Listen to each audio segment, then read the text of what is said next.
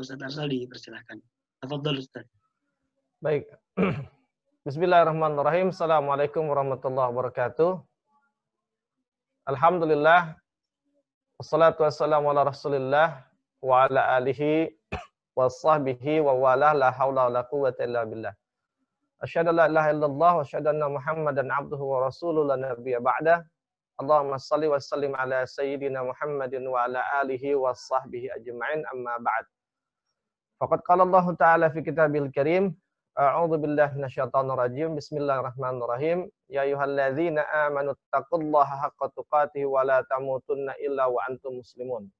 وقال أيضا كنتم خير أمة أخرجت للناس تأمرون بالمعروف وتنحون عن المنكر وتؤمنون بالله. صدق الله العظيم وصدق رسول النبي الكريم.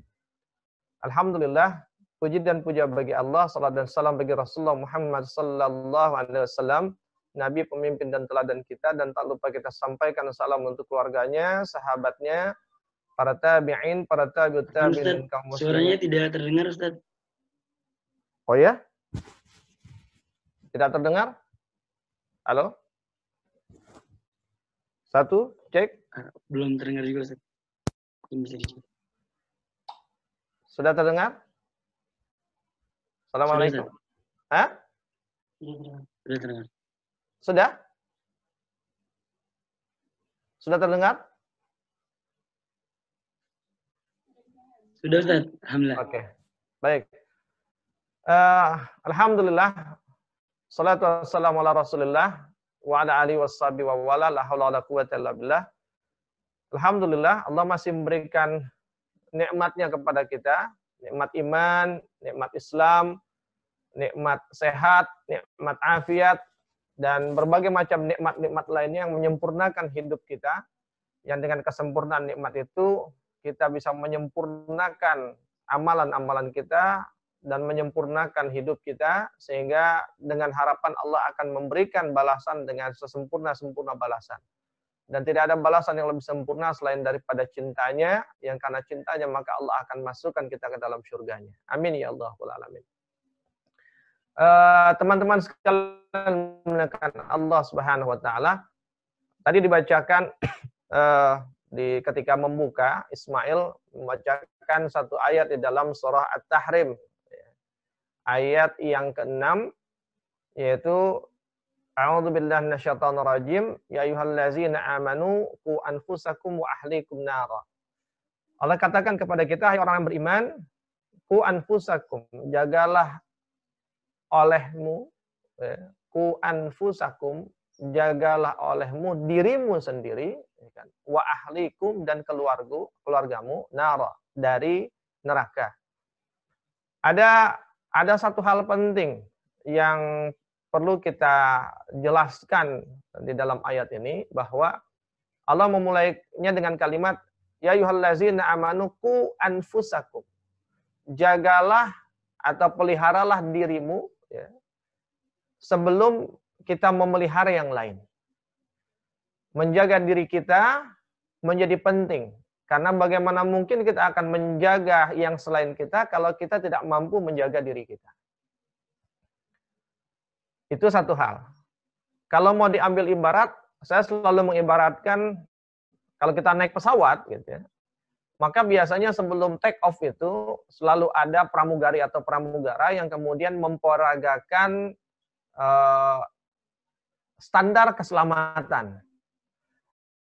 Dan salah satu di antara standar keselamatan adalah ketika terjadi apa uh, sedikit gangguan yang menyebabkan ada tekanan yang berlebih di dalam pesawat, maka kemudian akan jatuh atau keluar uh, selang oksigen.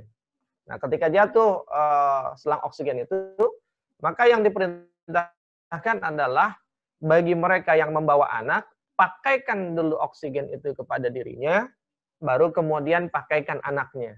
Jangan sebaliknya, pakaikan anaknya, baru pakaikan dirinya. Karena apa?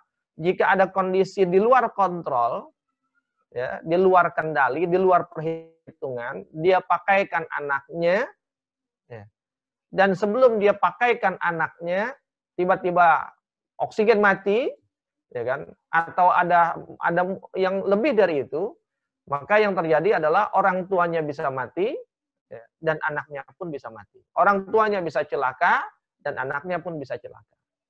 Tapi ketika orang tuanya yang memakai terlebih dahulu, maka setidaknya orang tuanya terselamatkan. Sekalipun anaknya kemudian mengalami kendala, maka dengan keselamatan orang tuanya, orang tuanya bisa menyelamatkan anaknya. Tapi kalau anaknya yang selamat, bagaimana mungkin dia mau menyelamatkan orang tuanya sementara dia masih kecil misalnya? Eh, itu akan lebih sulit. Nah dari sini, bahkan dalam standar keselamatan saja menunjukkan kepada kita bahwa menjaga dan memelihara diri pribadi itu lebih lebih didahulukan. Karena selamatnya kita akan menentukan selamatnya orang yang ada di sekitar kita. Baru kita bisa menyelamatkan mereka. Nah, begitu pula ketika Allah mengatakan kepada kita, ku anfusakum, peliharalah dirimu. Karena bagaimana mungkin kamu akan memelihara orang lain, keluargamu, anak-anakmu, jika kamu tidak mampu memelihara dirimu. Sebab apa? Nanti ada banyak di dalam Al-Quran, di dalam ayat Al-Quran itu, eh, bagaimana Allah menggambarkan pengaruh orang tua itu terhadap anaknya. Bahwa jika orang tua itu melakukan keburukan, anak melihat, maka anak akan langsung. Saya tidak akan membahas ini karena pembahasan ini bisa satu session sendiri untuk menunjukkan betapa pentingnya dari kajian dari satu ayat ini. Kalau seorang tua melakukan sebuah keburukan, maka anak hanya dengan melihat dia akan dengan serta-merta mencontohnya. Tapi jika orang tua melakukan kebaikan, maka anak tidak akan serta-merta untuk mencontoh kebaikan itu. Tapi butuh ada upaya lebih yang dilakukan orang tua agar dia mau mencontohnya. Seperti itu. Nah, eh, ku anfusakum. Peliharalah, jagalah dirimu yang dengannya kamu akan bisa menjaga orang lain di sekitarmu. Dan yang pertama kali setelah kita menjaga diri kita adalah wa ahlikum, keluarga kita.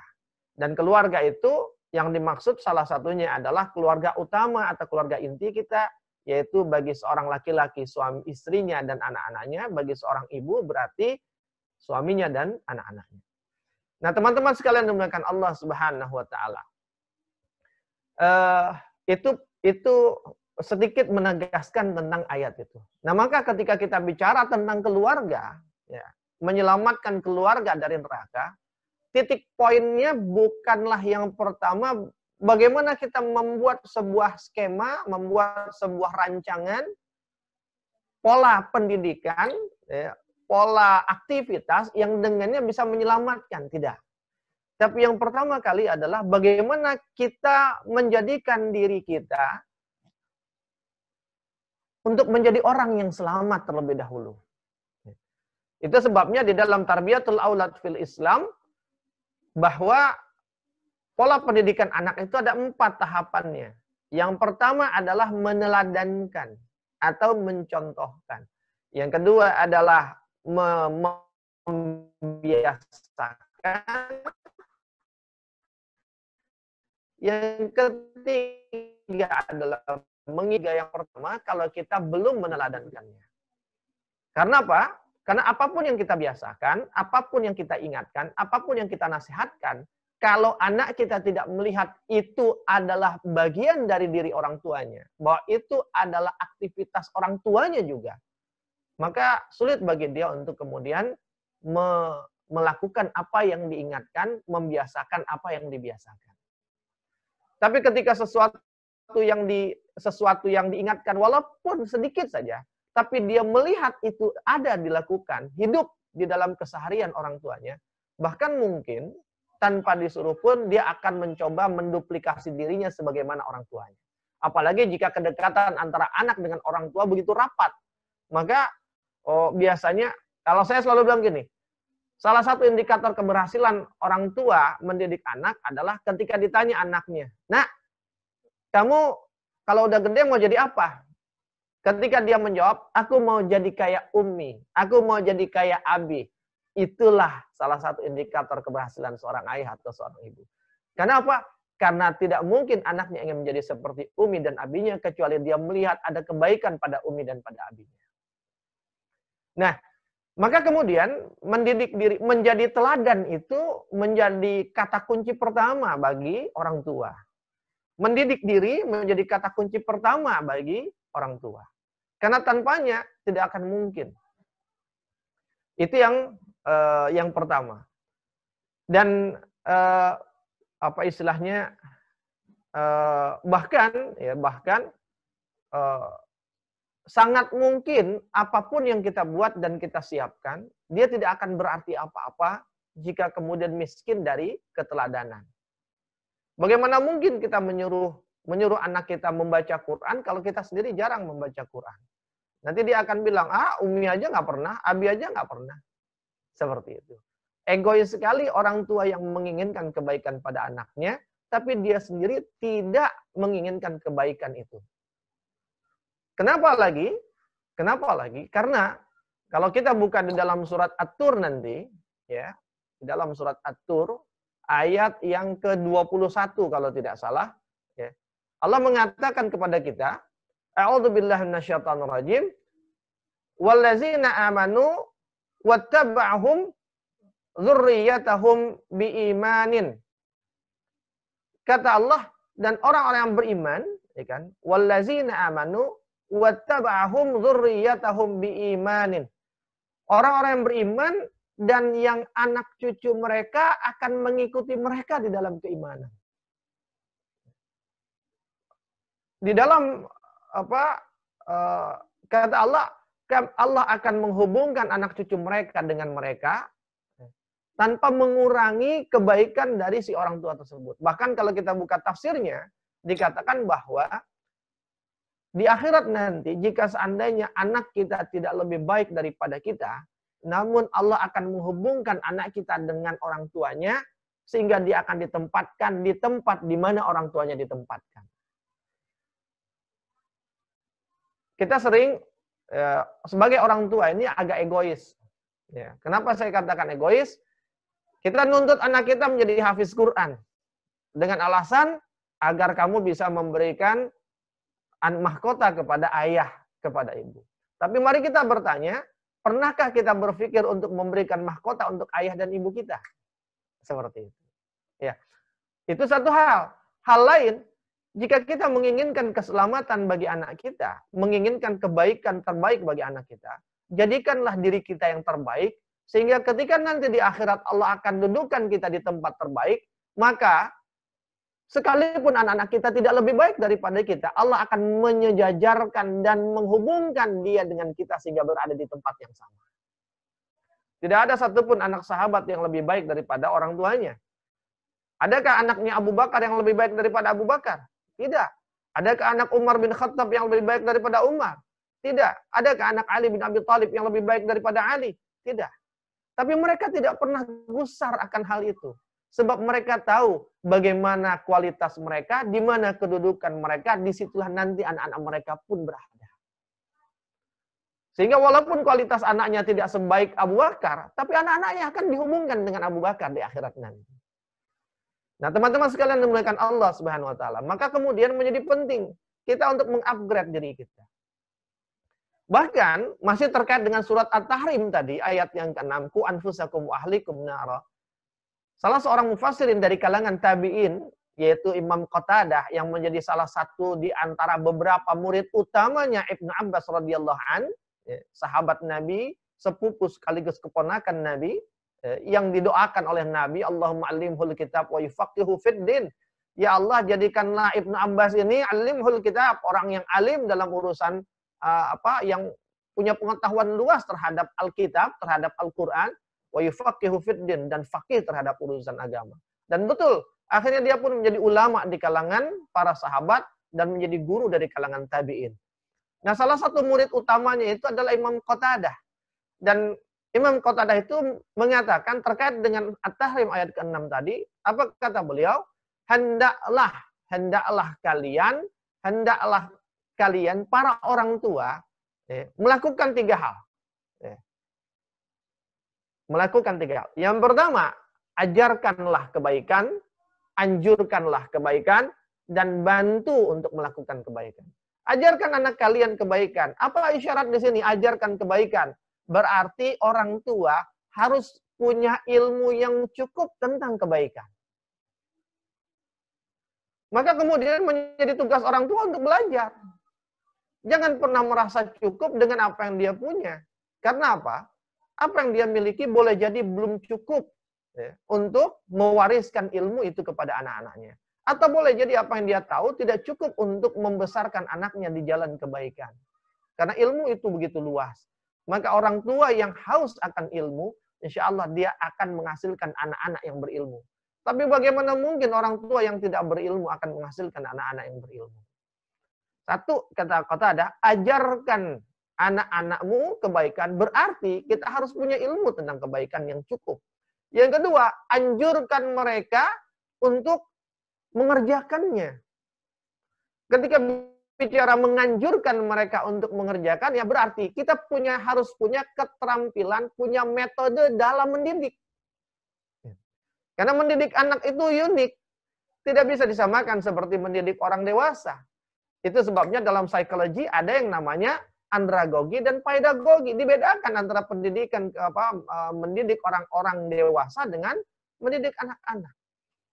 Maka seorang tua itu ya sebelum dia menuntut merancang apa pun untuk untuk pendidikan anaknya, dia harus punya metode. Dia harus menguasai tentang metode pendidikan anak. Dia harus tahu how to-nya.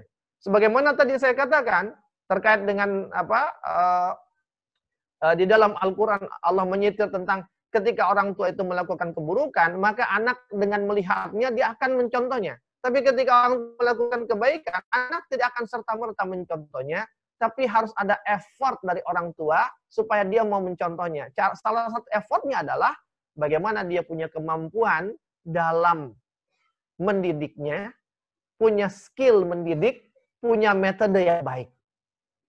Maka itu akan memudahkan anaknya untuk mengikuti apa yang dia yang dia lakukan. Tapi kalau orang tuanya baik, dia nggak punya skill mendidik, dia nggak punya metode yang baik, bukan tidak mungkin anaknya tidak akan menjadi sebaik orang tuanya, bahkan mungkin bisa berbeda antara orang tua dengan anak itu 180 derajat. Nauzubillah yang ketiga, kata ada setelah satu mengajarkan berarti harus punya ilmu, yang kedua menganjurkan harus punya skill mendidik, yang ketiga bantu anakmu untuk mengamalkannya.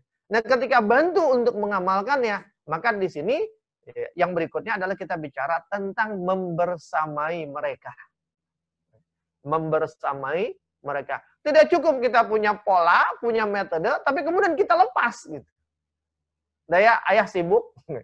Akhirnya apa? Pergi dia masih ngantuk atau masih tidur, pulang mereka sudah ngantuk atau sudah tidur. Tidak pernah bertemu, tidak pernah bersama. Maka membantu. Kenapa? Karena dengan membersamai mereka, kita akan tahu apa yang menjadi kesulitan mereka, kita akan tahu apa yang menjadi kesedihan mereka, kita akan tahu apa yang membuat mereka berduka, kita akan tahu bahkan apa yang mengembirakan mereka, apa yang paling mereka senang, apa yang paling mereka suka, maka ketika kita mengetahuinya, kita akan bisa memberikan untuk menyempurnakan kebahagiaan dan kegembiraannya atau untuk mengatasi duka dan kegagalannya. Jangan sampai kemudian akhirnya anak-anak kita kehilangan. Kenapa? Dia sedih-sedih sendiri, ya kan? Gagal-gagal sendiri, senang-senang sendiri. Nauzubillah. Sehingga kemudian dia tidak merasakan akan kehadiran orang tuanya. Nah, satu di antara hikmah Ramadan kali ini, banyak orang mengatakan, wah Ramadan berantakan. Kenapa? Dia sudut pandang Ramadan adalah aktivitas individual semata. Saya nggak bisa terawih, saya nggak bisa itikaf, saya nggak bisa tadarus, saya nggak bisa ini. Tapi tidak menyandarkan bahwa Ramadan adalah bagian dari dia untuk juga aktivitas keluarga. Dan ketika kita lihat hari ini, justru Allah berikan eh, apa nikmat yang sangat besar dengan kondisi ini. Karena apa? Dengan kondisi ini saya yang biasanya Ramadan setiap hari keluar, gitu, hampir setiap hari keluar, ya, walaupun harus mengisi kajian zuhur, tapi berangkat tuh jam 10. Nanti baru pulang jam 3.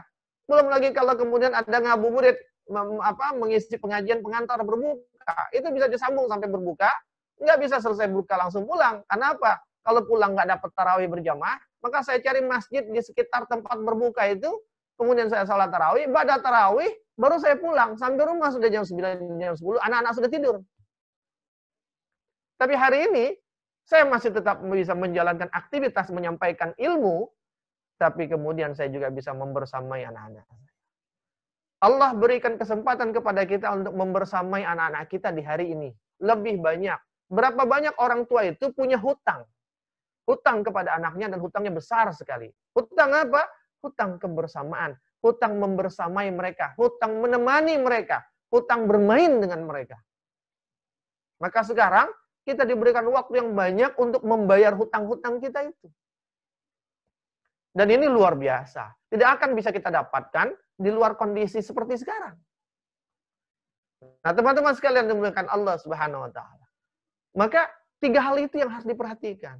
Ketika bicara menganjurkan kita butuh ilmu, mari kita tanya bagaimana ilmu kita. Bagaimana kita akan berharap anak-anak kita menjadi orang-orang yang alim, orang-orang yang berilmu, kalau kita sendiri tidak punya ilmu untuk diajarkan. Untuk di-share dan dibagi kepada mereka. Bagaimana mungkin kita berharap anak-anak kita memahami ilmu memahami pengetahuan yang kita ajarkan kalau kita tidak tahu bagaimana cara mendidik how to kaifnya gitu kaifanya apa metodologinya dalam mendidik. Dan bagaimana mungkin kita akan bisa memastikan jika kita tidak pernah membersamai mereka. Nah itu dari ayatku anfusakum wa ahlikum nar saya tidak akan berpanjang-panjang nanti kepanjangan.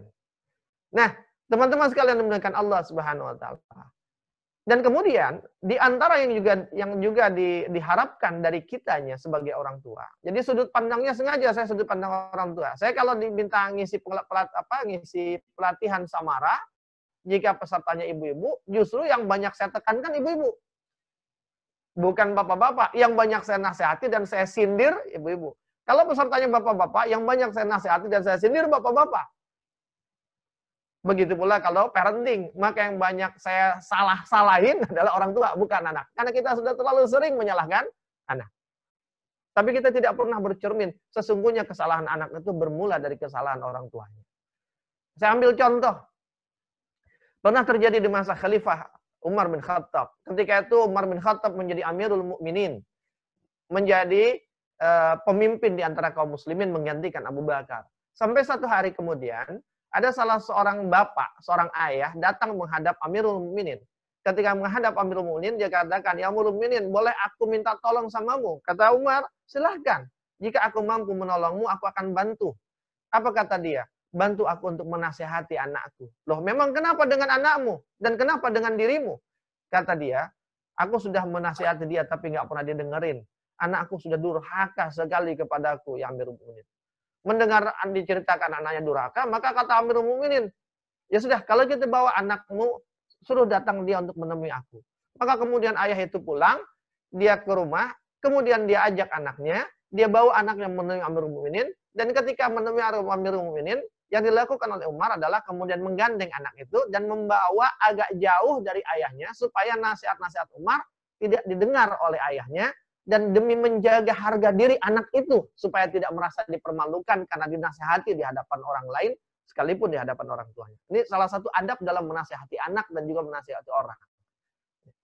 Tetap walaupun dia salah, menasehati dia tetap dengan memperhatikan bagaimana menjaga harga diri dia.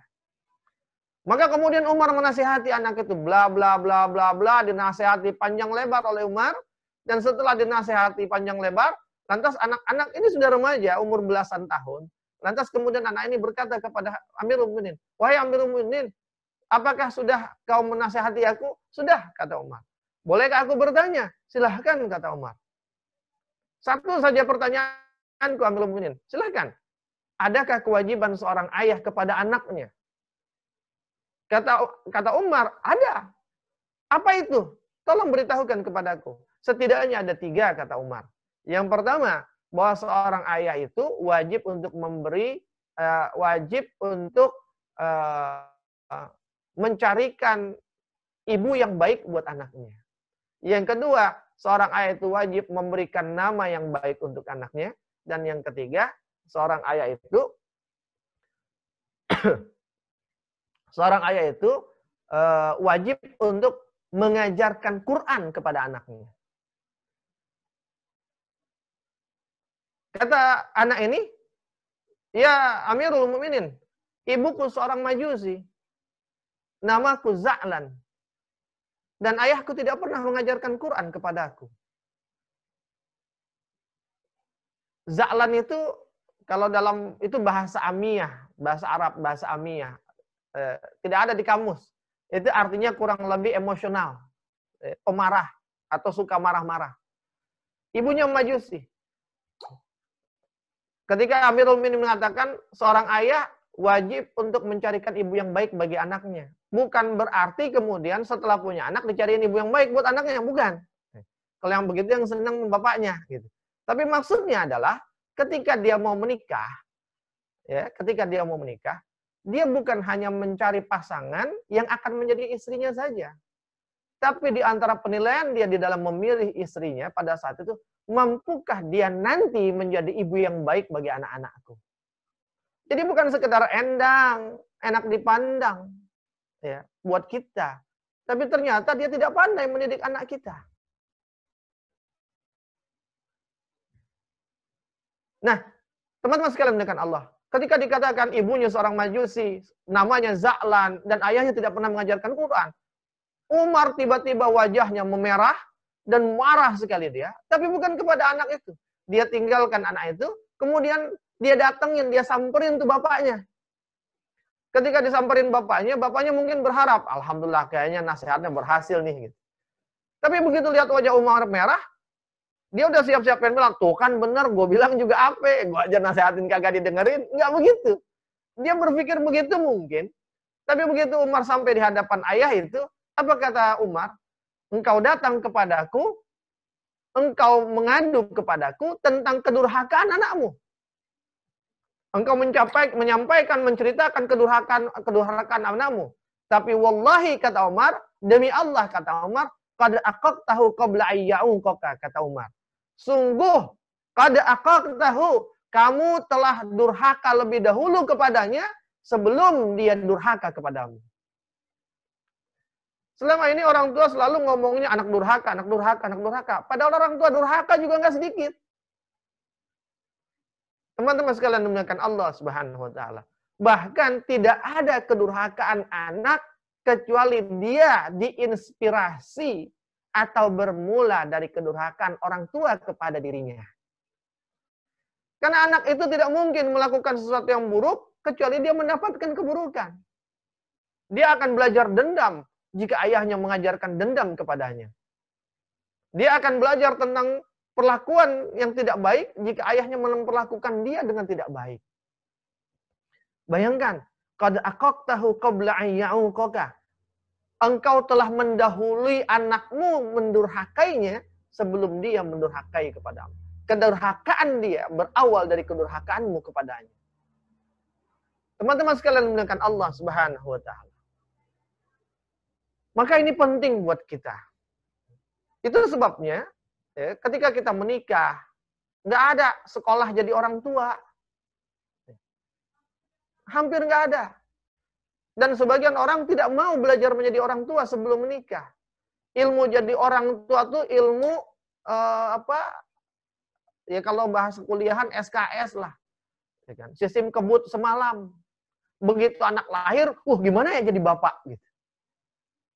Udah, udah mengalir saja. Ya kalau mengalir saja ada saatnya kemudian yang mengalir itu keburukan. Tidak direncanakan. Bahkan bukan hanya merencanakan, Islam mengajarkan, Islam mengajarkan bahkan pendidikan anak itu bermula bukan dari sekedar menjadi orang tua yang baik, membuat pola pendidikan yang baik, menyiapkan tools-tools yang baik untuk mendidik, metode yang baik untuk mendidik, tapi bahkan yang menjadi asas dalam pendidikan anak itu menjadi pondasi utamanya adalah doa. Harapan bahwa orang tua ya, pendidikan anak bermula dari bagaimana orang tua mengharapkan anaknya kepada Allah Subhanahu wa taala. Kita bisa belajar dari bagaimana kisah Maryam ketika dia berdoa kepada Allah jika dia punya anak, eh, mohon maaf, Imran, kisah Imran. Dia berdoa kepada Allah jika dia punya anak, maka anaknya akan didedikasikan untuk menjadi menjadi penjaga Baitul Maqdis. Mengharapkan. Doa yang sering kita baca, Rabbi habli minas salihin.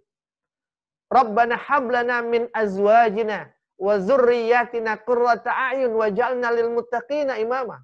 Tapi ada doa Allahumma ja'alni muqimas salati wa min zurriyati rabbana wa taqabbal doa. Yang dua pertama, Rabbi habli. Lalu kemudian Rabbana hablana. Tapi yang terakhir, Allahumma ja'alna. Allah Allahumma ja'alni kalau sendirian. Apa bedanya antara habli dengan ij'alni? Habli itu mengharapkan sesuatu yang belum ada.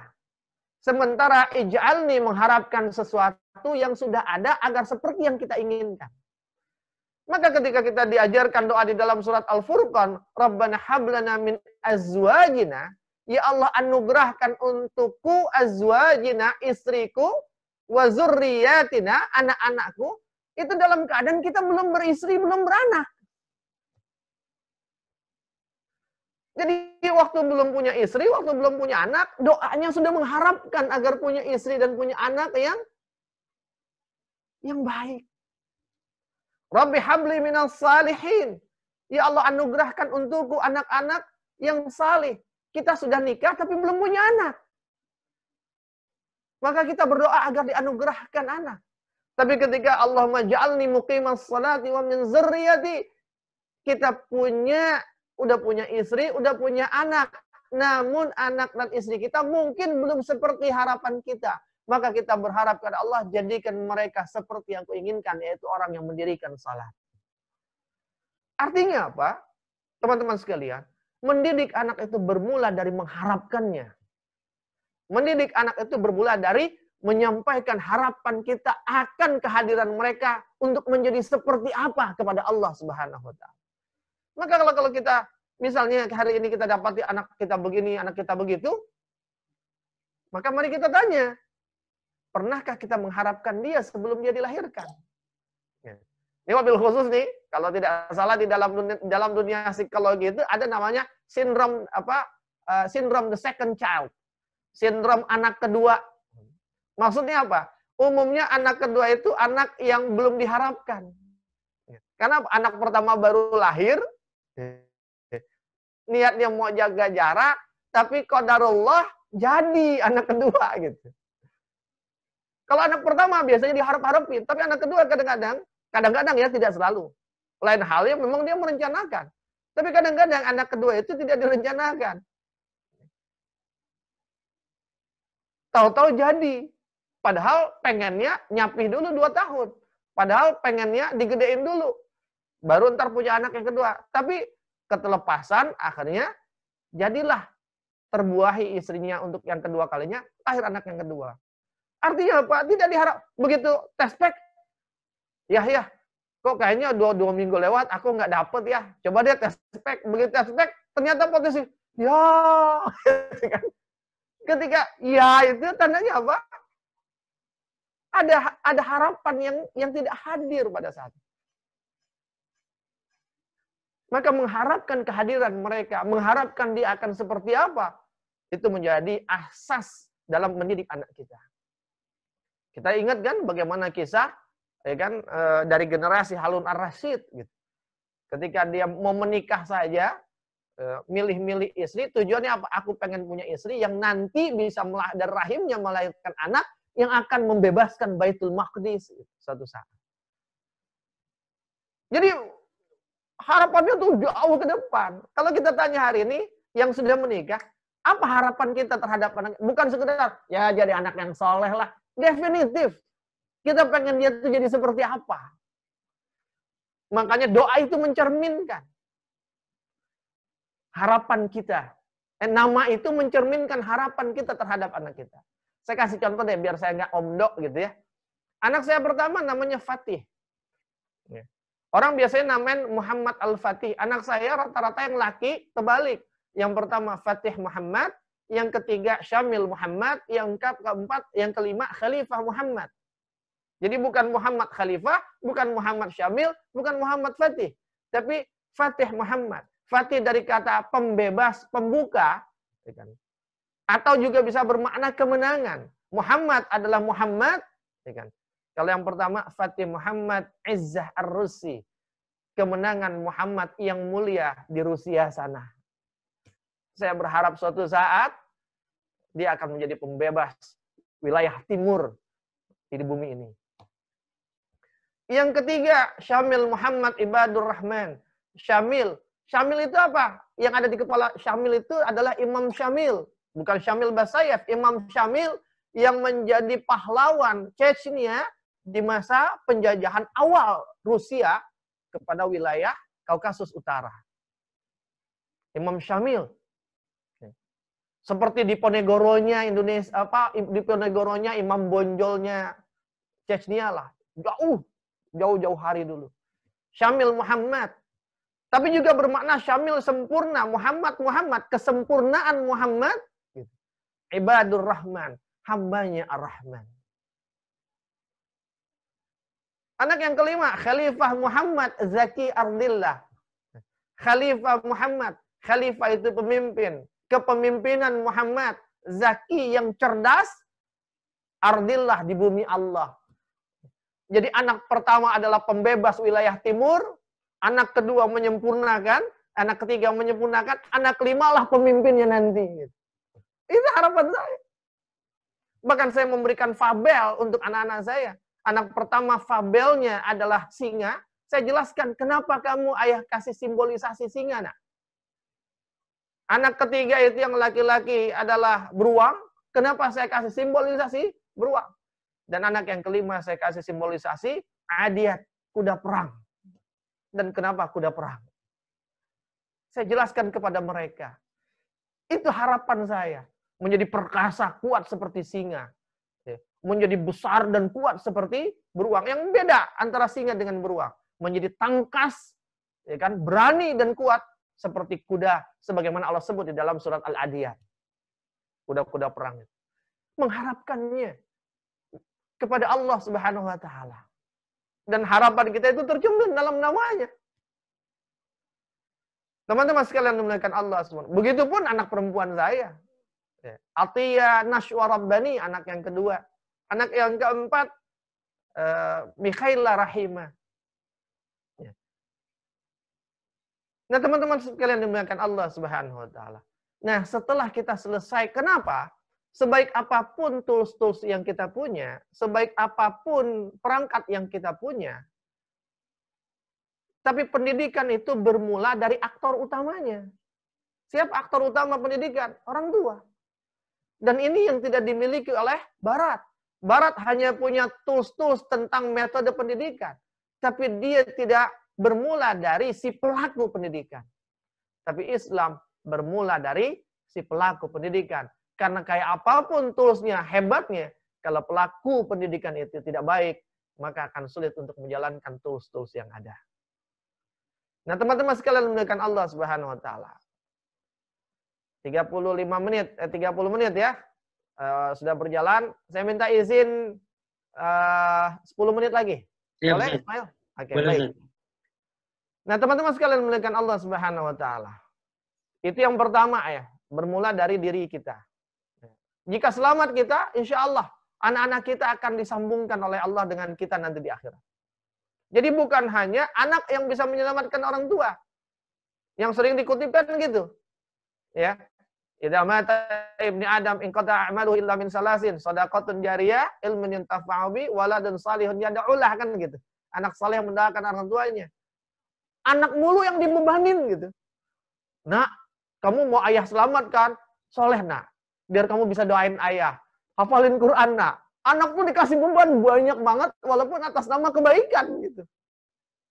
Jadi sebenarnya orang tua itu apa nasehatin ya didik anaknya jadi soleh itu untuk kepentingan dirinya itu bukan kepentingan si anak.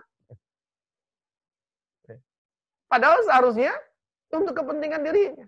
Saya ketika anak kedua saya di usia 13 eh, tahun yang perempuan itu dia wisuda hafiz Quran, ketika dia wisuda, saya diminta memberikan sambutan atas nama wali santri dari seluruh wali santri yang ada. Nah, ketika saya memberikan sambutan, satu di antara yang saya sampaikan adalah kepada anak saya, juga kepada seluruh anak-anak yang wisuda pada saat itu. Saya katakan, nak, hari ini engkau sudah menggenggam Al-Quran.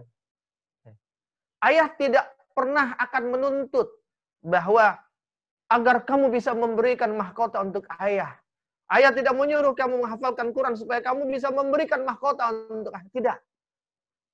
Karena ayah tidak ingin menjadi orang egois yang mengharapkan sesuatu dari dirimu. Seharusnya ayahlah yang memberikan sesuatu untukmu. Ayah tidak ingin menjadi orang yang ingin masuk surga karena bantuan anaknya. Tapi bukan dari kapasitas ayah sendiri. Tapi bahwa ayah mendidik kamu untuk menjadi seorang penghafal Quran. Hari ini setelah kamu hafal Quran, maka pastikan jaga Quran itu nak. Waktunya bagimu setelah ini untuk menghidupkan Al-Quran. Agar Al-Quran itu bisa menyelamatkanmu. Itu cukup bagi ayah. Sekalipun tidak ada mahkota. Tapi cukup bagi ayah di akhirat nanti akan berkata kepada Allah, Ya Allah, aku sudah didik anakku hingga dia menghafalkan Quran, dia menghidupkan Quran. Jika itu adalah kebaikan di sisimu, ya Allah, maka jadikanlah itu yang menjadi penyebab aku masuk ke dalam surgamu, ya Allah. Kita boleh berbangga dengan apa yang kita lakukan. Jangan berbangga dengan kebaikan yang kita dapat, padahal kebaikan itu berasal dari orang lain. Jika orang tua semua berpikir seperti itu, maka insya Allah anak itu nggak akan dibebani macam-macam. Anak stres. Karena apa? Karena Mungkin katanya, ini buat kamu lagi, nanti untuk kamu juga. Enggak. Dia stres karena kita menuntut dia. Kita tidak memahamkan kepada dia untuk apa itu. Teman-teman sekalian menggunakan Allah Subhanahu wa taala. Nah, setelah itu eh, di sisa waktu yang ada, maka kemudian uh, punya ilmu kemudian punya uh, apa kemampuan. Uh, nah, ini membersamai ini yang terakhir. Yang ketiga, membersamai. Tadi saya katakan, tarbiyatul aulad fil Islam itu yang pertama meneladankan. Mencontohkan ke anak. Anak akan meneladani kita dari apa? Dari apa yang kita apa yang mereka dengar? Tidak. Anak akan mencontoh dari apa yang kita nasihatkan? Tidak. Anak akan meneladani kita dari apa yang dia lihat dari kita. Artinya apa? Dia harus melihat kebaikan yang kita lakukan, maka insya Allah dia akan mencoba untuk meneladaninya. Artinya apa? Dia harus lihat bagaimana kita. Kalau dia harus lihat bagaimana kita, berarti kita harus membersamainya. Bagaimana mungkin dia akan meneladani kita, sementara dia nggak pernah lihat apa yang kita lakukan. Kamu contoh ayahmu tuh. Ayahmu tuh begini. Ah, aku nggak pernah lihat. Ya. Apa yang mau aku contoh dari ayah sementara aku melihat dia pun jarang. Makanya tadi saya katakan hutang kebersamaan. Makin sering kita membersamai mereka, makan makin banyak yang dia lihat dari kita, yang jika itu baik, maka dia akan menjadi baik sebagaimana baiknya kita. Tapi makin jarang kita membersamai mereka, maka makin jauh persamaan antara kita dengan dia. Bisa dipahami? Dan Ramadan ini adalah saatnya bagi kita untuk membersamai mereka. Lakukan semua aktivitas itu bersama. Ya. Baca Quran jangan masing-masing, baca Quranlah bersama-sama. Nasihat, nasihatlah bersama-sama. Saya kalau lagi ngisi begini, saya sempat bilang kan anak, ini kalau Abi lagi ngisi gini, kalian duduk di situ seakan-akan jadi pendengar gitu. Walaupun mereka nggak mau gitu. Tapi suara saya sengaja saya kencangkan, saya keraskan supaya mereka terdengar. Walaupun mereka ada di ruangan yang lain.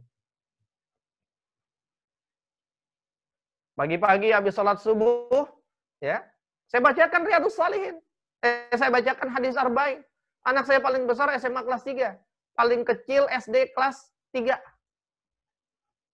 Saya bacakan hadis sekarang sudah tadi pagi masuk hadis yang ketujuh. Saya membahas saya, membah, saya, saya membacakan dan kemudian membahas sedikit yang bisa dipahami sama yang SMA, tapi juga bisa dipahami sama yang kelas 3. Dan alhamdulillah yang kelas 3 tuh modelnya kayak saya waktu kecil. Rata-rata anak saya modelnya kayak waktu saya waktu kecil. Saya waktu kecil itu sampai SD itu sama guru disebutnya tukang protes. Karena apa? Dikit-dikit nanya, dikit-dikit nanya. Begitulah yang kecil. Saya diuntungkan. Yang kecil itu sekarang asal saya jelaskan nggak paham, nggak ngerti katanya. Ketika dia bilang nggak ngerti, saya ulang jelaskan lagi sampai dia ngerti. Begitu saya sudah jelaskan, ngerti nggak sekarang? Ngerti. Itu saya lakukan tiap pagi. Setelah itu kita maksurat, al-maksurat, zikir maksurat bareng-bareng. Setelah zikir maksurat silahkan. Mau aktivitas. Menjelang berbuka, kita kumpul jam setengah enam untuk apa? Evaluasi Ramadan. Evaluasi sekaligus ada nasihat. Terus 5-10 menit sebelum berbuka, yuk kita doa sama-sama. Doa pun bersama. Taraweh bersama. Taraweh itu bahkan, teman-teman sekalian, taraweh. Hari pertama doang saya jadi imam. Hari kedua, hari ketiga, hari keempat, sampai hari ini yang jadi imam anak saya gantian. Hari kedua yang jadi imam yang SMA. Hari ketiga yang jadi imam yang SMP. Hari keempat yang jadi imam yang SD kelas 3. SD kelas 3 tapi alhamdulillah sudah dua juz hafalannya. Karena dia di madrasah Quran dan bacaannya juga cukup bagus. Eh, Makrosnya lebih baik. Sehingga kamu udah bisa jadi dan mereka mau. Eh, jadi imam. Bahkan di pertama kali dia menjadi imam nih yang kecil di hari keempat itu, ya, saking semangatnya dia nyiapin, gitu. dia udah bilang, aku mau baca, aku mau baca uh, apa uh, uh, Salah Sailun surat apa, Ismail? Al-Ma'arij. Ah, Al-Ma'arij, ya. Ma'arij. Aku membaca Al-Ma'arij, kata dia. Saking semangatnya, baru rakaat pertama di dua rakaat pertama taraweh, Allahu Akbar. Terus dia baca, Bismillahirrahmanirrahim. Salah sailun bi'ada. Terus kita semua ketawa, karena Fatihahnya belum dibaca. Gitu. Saking semangatnya. Seperti itu. Dan bukan hanya itu. Eh, Ketika eh, ba'da ba'da taraweh, ba'da witir, saya kasih hak kepada mereka untuk ngasih tausiah. Hari pertama saya tausiah, hari kedua anak saya yang besar, hari ketiga anak yang kedua, semua laki perempuan dapat. Uminya pun dapat. Awalnya pada nggak mau, tapi ayo sampai apa aja. Akhirnya karena abinya di awal nyampein satu hadis, akhirnya semua bacain hadis. Gitu. Tapi akhirnya mereka mau mencari, mereka belajar menyampaikan, belajar melatih kepercayaan dirinya, belajar untuk berdakwah, menyampaikan kebaikan. Itu ditumbuhkan dengan dicontohkan. Saya selalu yang mendahulunya. Dan mereka akhirnya senang, pede aja. Hari ke hari hari ke satu dua harusnya hari kelima itu saya lagi jadi imam teraweh. Qadarullah waktu itu saya kecapean sekali. Saya bilang, terawihnya ada fatil lagi deh. Nggak usah abi. Ya karena dia. Dan saya berpikir saya nggak akan jadi imam lagi setelah ini. Gitu. Biar mereka-mereka aja yang jadi imam. Ya saya sekali-sekali lah. Karena saya sudah biasa jadi imam di luar. Waktunya mereka untuk belajar jadi imam. Sekaligus memurajaah hafalannya. Anak pertama sudah dapat lima juz lah. Karena dia belum ikut tahfiz Quran. Dia jalanin program sendiri. Yang ketiga sudah hafiz di usia 14 tahun. Yang kelima sekarang eh, sudah sudah sudah sudah satu surat tiga, satu dua atau tiga surat lagi selesai juz 29. Sehingga mereka membiasakan itu. Nah, teman-teman sekalian dimuliakan Allah Subhanahu wa taala. Membersamai mereka, hadir bersama mereka. Karena apa? Sebagai penutup, Rasulullah SAW, Rasulullah SAW bahkan di antara banyak riwayat, di antara banyak kisah tentang Rasulullah terhadap anak, itu kemudian kita bisa menyimpulkan ada tiga saat yang paling efektif di dalam menanamkan nilai kepada anak. Ada tiga saat yang paling efektif untuk mendidik anak kita. Yang pertama, saat safar atau di perjalanan atau di dalam kendaraan. Yang kedua, saat di meja makan atau sedang makan. Dan yang ketiga, saat mereka sakit. Itu adalah saat yang paling efektif untuk menanamkan nilai. Kenapa saat safar? Saat di perjalanan. atau saat berwisata. Karena saat dalam perjalanan itu ada kedekatan di sana. Ada intimasi di sana antara orang tua dengan anak. Merasakan kepayahan yang sama di dalam safar itu. Sehingga apa? Ada rasa senasib sepenanggungan. Ada ada apa? Uh, ada tafahum di sana yang terjalin. Dan ketika itu terjadi, karena sama, ngerasain yang sama, maka apa pun yang disampaikan, ya karena ngerasa sama, similarity-nya terbentuk, maka udah ngeblend langsung. Nyampe, nyampe. Dan Rasulullah sering melakukan itu. Rasulullah sering ya, mengajak apa ketika pergi berjalan safar mengajak Ibnu Abbas dari sejak masih kecil dan Ibnu Abbas itu bercerita di antara nasihat-nasihat Rasulullah yang paling membekas di kepala dia adalah yang disampaikan dalam perjalanan. Iya, yeah, Wahai nak, kata Rasulullah kepada Ibnu Abbas, jagalah Allah, maka Allah akan menjagamu. Jagalah Allah di dalam hatimu, maka Allah akan menjagamu. Itu berkesan sekali buat Ibnu Abbas. Atau misalnya tadi saat sedang makan. Kenapa saat sedang makan efektif? Karena saat sedang makan itu adalah saat di mana anak itu dia punya dia harus harus menahan dorongan untuk makannya yang di saat itu dia punya keinginan yang harus dipenuhi. Maka pada saat itu kita bisa misalnya ah nggak boleh sentuh makanan dulu sebelum dengerin nasihat ayah. Maka dia akan dengerin. Kenapa? Syaratnya makan dengerin dulu. Atau misalnya pada saat dia sedang makan itu, ya, saat dia mau makan gitu, diingatkan. Sebagaimana Rasulullah juga pernah mengatakan kepada Abdullah bin Abi Salamah, ketika masih kecil, ketika mereka dia mau makan sambil dipangku sama Rasulullah, ketika mau makan apa kata Rasulullah? Nak, gunakanlah tangan kananmu, ambillah yang terdekat darimu dan kemudian bacalah doa sebelum engkau makan. Itu masuk gitu. Sama saat dia sakit. Kenapa saat sakit itu saat yang paling maksimal, paling baik untuk menanamkan nilai? Karena seorang ulama mengatakan di dalam kitabnya eh, Tarbiyatul Aulad Litif tarbiyatul islamiyah litif dikatakan bahwa di dalam saat sakit itu ada dua kelembutan pada jiwa anak. Pertama adalah fitrah kelembutan anak sebagai anak-anak. Anak-anak itu lembut fitrahnya. Dan yang kedua adalah ya kan, kelembutan fitrah orang yang sedang sakit. Orang kalau lagi sakit itu biasanya kan lebih lebih lembut fitrahnya. Hmm. Lebih lembut hatinya. Maka ketika anak kita sedang sakit, ada dua kelembutan di sana ber, berpadu, maka ketika disampaikan kebaikan, itu akan lebih berkesan, lebih nancap, lebih kerasa sama mereka. Dan itu pun Rasulullah lakukan. Salah satunya di antaranya adalah kepada anak dari pembantunya yang Yahudi. Bahkan dengan asbab nasihat itulah maka kemudian anak pembantunya yang Yahudi akhirnya masuk Islam. Kenapa? Dinasehatin pas lagi sakit. Ingat kisah orang yang kerjanya nimbukin Rasulullah tiap berangkat subuh?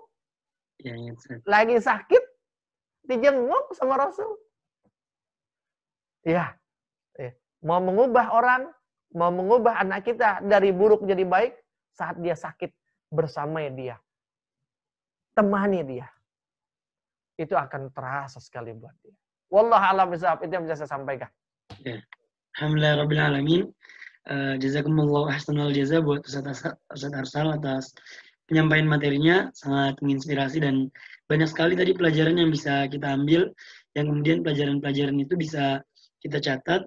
Dan kemudian karena kita bertepatan dengan momen bulan Ramadan sangat baik sekali jika kemudian ilmu-ilmu yang tadi Ustaz Arsal sampaikan atau cerita Ustaz Arsal tentang bagaimana keluarganya menjalani Ramadan juga kemudian kita pelajari lebih lanjut dan kemudian kita aplikasikan di keluarga kita masing-masing. Oke, sekarang insya Allah kita akan masuk sesi tanya jawab. Kepada teman-teman yang ingin bertanya, boleh bertanya di chat atau WA admin. Atau mungkin kalau agak sulit menuliskan, boleh langsung dinyalakan suaranya, angkat tangan di chat. Nanti kemudian akan dinyalakan suaranya oleh host, kemudian nanti teman-teman boleh bertanya. Saya persilahkan. Oke Ustaz, sudah ada satu pertanyaan dari WhatsApp. Saya coba bacakan ya Ustaz ya.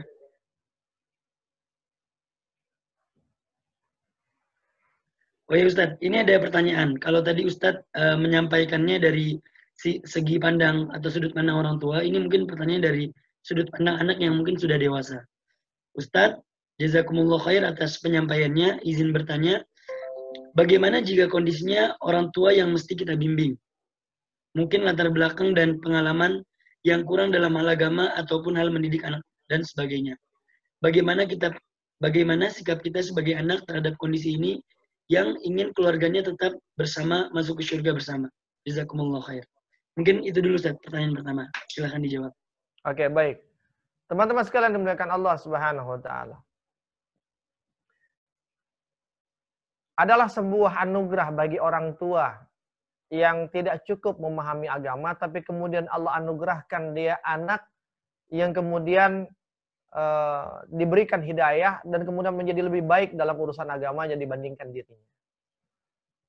Nah, tinggal bagaimana karena bagaimanapun juga sekalipun misalnya orang tuanya tidak memiliki pendidikan yang lebih baik, pengetahuan yang lebih baik daripada anaknya dalam masalah agama, tapi tetap baiknya anaknya itu dalam urusan agama pasti ada peran orang tuanya. Mungkin orang tuanya tidak menasihati karena dia tidak punya ilmu yang banyak tentang agama. Mungkin orang tuanya tidak punya tools atau metode yang baik. Tapi satu yang, uh, dua lah, dua yang dimiliki orang tuanya. Dia selalu menghadap kepada Allah di dalam salat-salatnya, di dalam doa-doanya, meminta kepada Allah agar Allah memberikan anak yang saleh untuknya. Karena untuk berdoa, untuk berharap itu kan nggak butuh nggak butuh ilmu sebetulnya, butuh keinginan. Orang yang punya keinginan dia bisa berdoa. Banyak orang tua yang dia punya keinginan yang besar untuk anaknya, sekalipun dia tidak memiliki kapasitas yang besar untuk mendukung anaknya. Tapi tadi saya bilang, kan doa dan harapan orang tua itu adalah asas. Maka jika dia tidak mampu, Allah yang akan menghandle dalam tanda petik untuk menjadikan anaknya seperti harapannya. Itu satu. Yang kedua, tidak sedikit orang tua yang seperti itu, ya, eh, anaknya menjadi lebih baik daripada dirinya. Karena apa? Orang tuanya itu selalu menjaga apa yang akan diberikan kepada anaknya.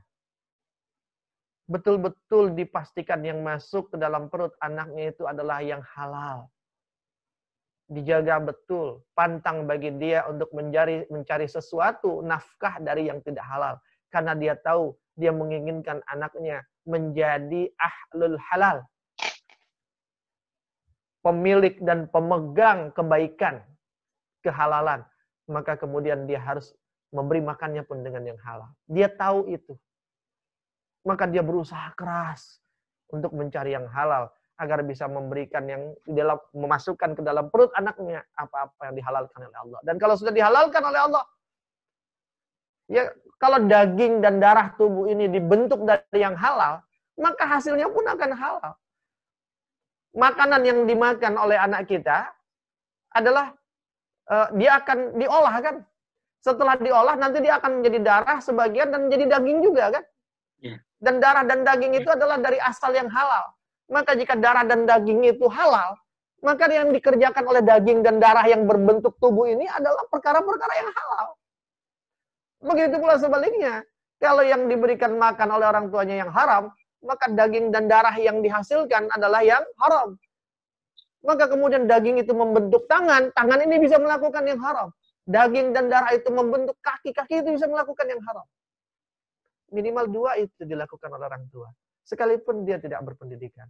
Nah pada saat itu kita sebagai anak yang juga ingin menyelamatkan orang tua.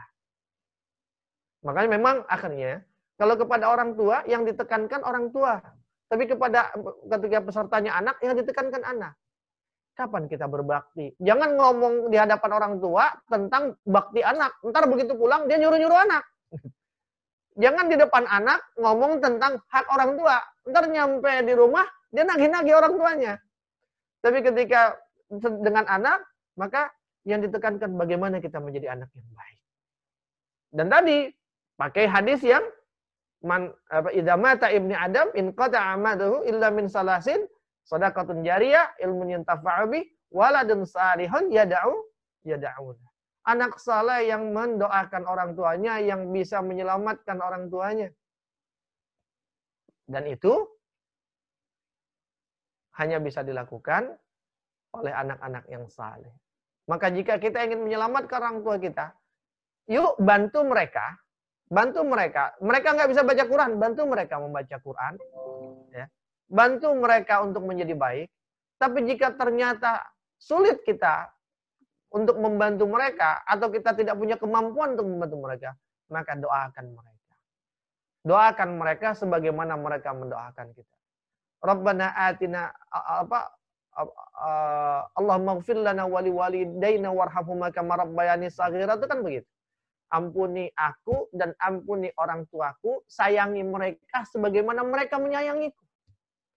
Maka sayangilah mereka sebagaimana mereka menyayangi kita.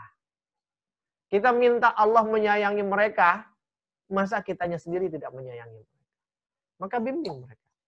Eh, tapi tentu akan berbeda ya, mendidik orang tua dengan mendidik anak pendekatannya pasti akan berbeda. Tapi mendidik orang tua itu bukan dengan menjadi guru bagi mereka, tapi jadilah anak dalam tanda kutip yang menggemaskan untuk mereka. Jadilah anak yang membanggakan untuk mereka. Jadilah anak yang bisa dipercaya oleh mereka. Ketika kita sudah menjadi anak yang membanggakan untuk mereka, menyenangkan mereka, yang bisa apa dipercaya oleh mereka, maka insya Allah nantinya sambil ngobrol, sambil apa, kita bisa memasukkan nilai-nilai kepada mereka, mereka akan terima dengan dengan baik. Bahkan kita tidak perlu minta mereka untuk belajar, tapi ketika mereka butuh, mereka akan bertanya dengan sendirinya. Nah, itu paling. Jadilah orang baik dan satu lagi. Tunjukkan tunjukkan kebaikan kita kepada mereka. Mohon maaf, ini contoh saja ya Ismail. Yeah. Saya kalau nulis buku, saya kirim buku saya ke ayah dan ibu saya. Entah mereka baca atau enggak, entah mereka ngerti atau enggak gitu. Saya saya ngisi seperti ini gitu. Saya kasih tahu, saya kirim kadang-kadang. Saya unjukin bahwa saya pernah ngisi ke sini. Oh, kemarin saya habis dipanggil ke sana. Cuma ingin membahagiakan mereka. Dengan cara itu mereka bahagia karena memang itu kebahagiaan mereka. Sampai kemudian akhirnya mereka ceritakan kepada teman-temannya tentang anaknya dengan bangganya. Gitu. Sampai bahkan kemudian ayah saya karena dia pedagang di sebuah pasar, di pasar di dan masjid, sampai kemudian dicerita, oh anak gua begini, begini, begini. Kalau mau khutbah Jumat, anak gua bisa tuh. Gitu. Hmm. Sampai kemudian akhirnya saya diundang khutbah Jumat di sana, saya khutbah Jumat di sana. Yang pesertanya, jamaah Jumat itu adalah orang-orang yang ketika kayak saya kecil, mereka sudah berdagang di sana. Karena dulu waktu saya kecil, saya sering dibawa ke pasar sama ayah saya. Hmm, iya. Jadi teman-teman di pasar ayah saya tuh dari saya kecil saya udah kenal tuh om-om itu. Ketika saya besar, saya diminta khutbah Jumat, itu yang jadi jamaahnya adalah orang-orang yang ketika saya kecil mereka sudah berdagang dan sampai hari ini mereka masih berdagang. Sehingga mereka pun, pun kenal gitu kan. Dan itu menjadi kebanggaan bagi ayah saya. Dan saya saya bukan bukan saya yang bangga. Saya tidak bang, saya tidak membanggakan itu. Bukan saya yang senang. Saya senang bukan karena saya telah ngisi, bukan. Saya senang bukan karena saya dikenal, sekarang jadi ustadz, bukan. Tapi saya senang karena ayah saya senang dengan apa yang saya lakukan. Hmm. Saya senang karena ayah saya senang, dia bangga di hadapan teman-temannya karena punya anak seperti ini. Itu itu penting. Jadilah yang dibanggakan dan tunjukkan bahwa kita pantas dibanggakan. Nanti dengan sendirinya dia akan menjadi orang baik. Dia akan men, dia akan bertanya, dia akan mencontoh, apa dia akan bertanya dan dia akan mendengarkan apa yang kita sampaikan. Bukan ngajarin mereka, oh nggak boleh begini, nggak ada hadisnya loh. Enggak. Sulit kepada orang tua seperti itu. Dan bukan begitu caranya. Wallah alam.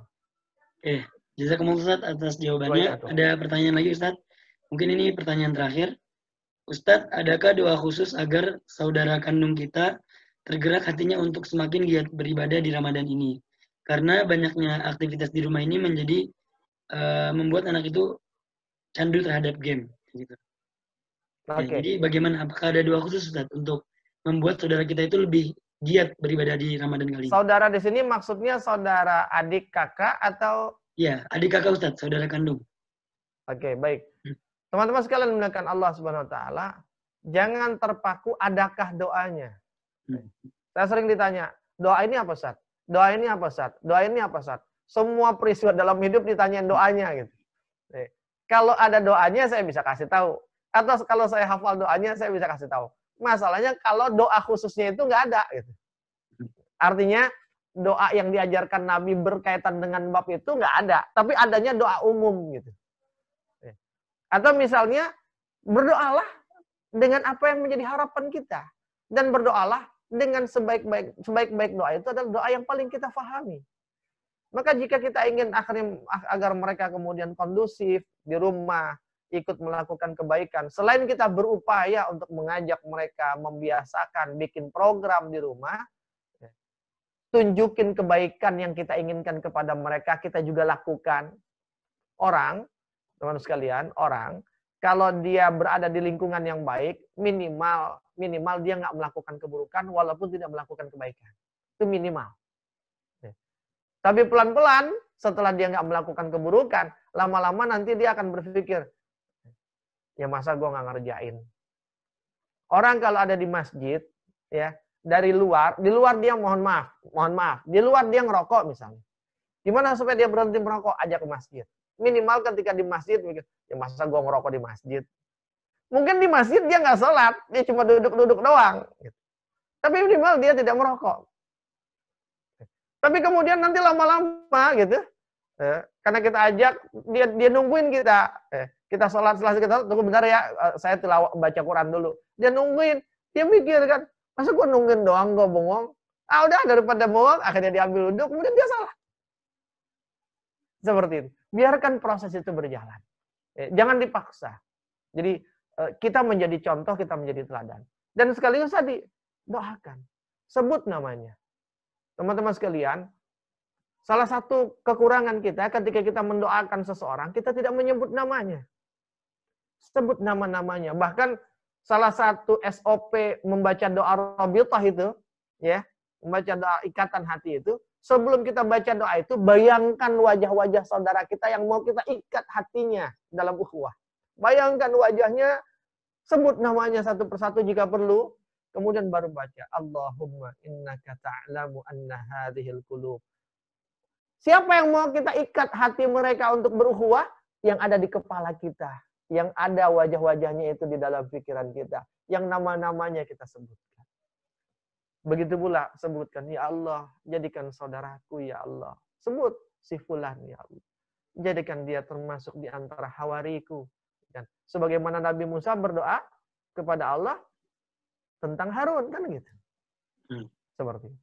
Jadi doakan dengan doa yang paling kita faham, doa yang paling kita mengerti, bahkan doa yang paling syahdu yang bisa kita rangkai untuk kita minta kepada Allah Begitu saja. Oke, baik. Jazakumullah khair Ustaz atas jawabannya. Jadi bagaimana caranya membuat saudara kandung kita tergerak hatinya untuk giat beribadah di Ramadan ini? Minimal adalah pertama kita menjadi contoh buat saudara-saudara kita. Kemudian yang kedua adalah kita kemudian mendoakan dia dengan menyebut namanya di setiap waktu-waktu doa yang bisa kita lakukan untuk berdoa.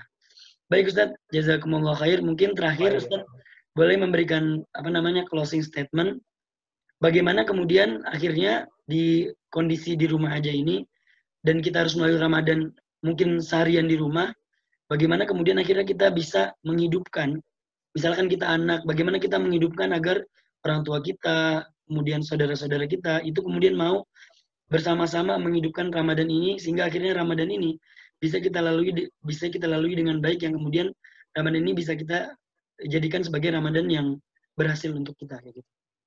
Silakan. Oke, okay, baik. Teman-teman sekalian menggunakan Allah Subhanahu wa taala.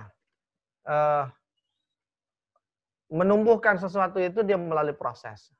Satu uh, apa uh, dari mulai menyiapkannya, melaksanakannya, membiasakannya, kemudian menyebarkannya. Nah, pertanyaannya adalah, sudahkah kita menyiapkannya? Program-program yang mau kita kerjakan, hmm. sudah kita siapkan belum?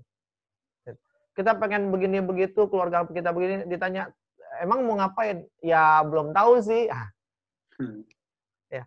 Menyiapkan rencana, memplanning sesuatu, itu adalah awal dari kunci keberhasilan siapkan. Setelah siapkan, lakukan. Lakukan dulu oleh kita. Kemudian ajak yang lain, ajarkan kepada yang lain. Eh, mohon maaf, biasakan dulu, biasakan oleh diri kita. Sampai kemudian istilahnya gini, orang tua kita, orang rumah kita ngelihat, ini anak kayaknya tiap hari gue perhatiin nih saban habis subuh, kayak gitu. Kesianan juga sendirian, ah gue temenin dah. Atau setelah kita membiasakan, kemudian kita datang, mah, ya temenin apa? Masa sendirian aja? Habis subuh baca zikir, nggak apa-apa deh mama papa nggak usah zikir, tapi temenin lah di sini. Atau kalau perlu, misalnya, misalnya selesai sholat subuh gitu, kita samperin dia, kemudian tidurlah di pangkuannya.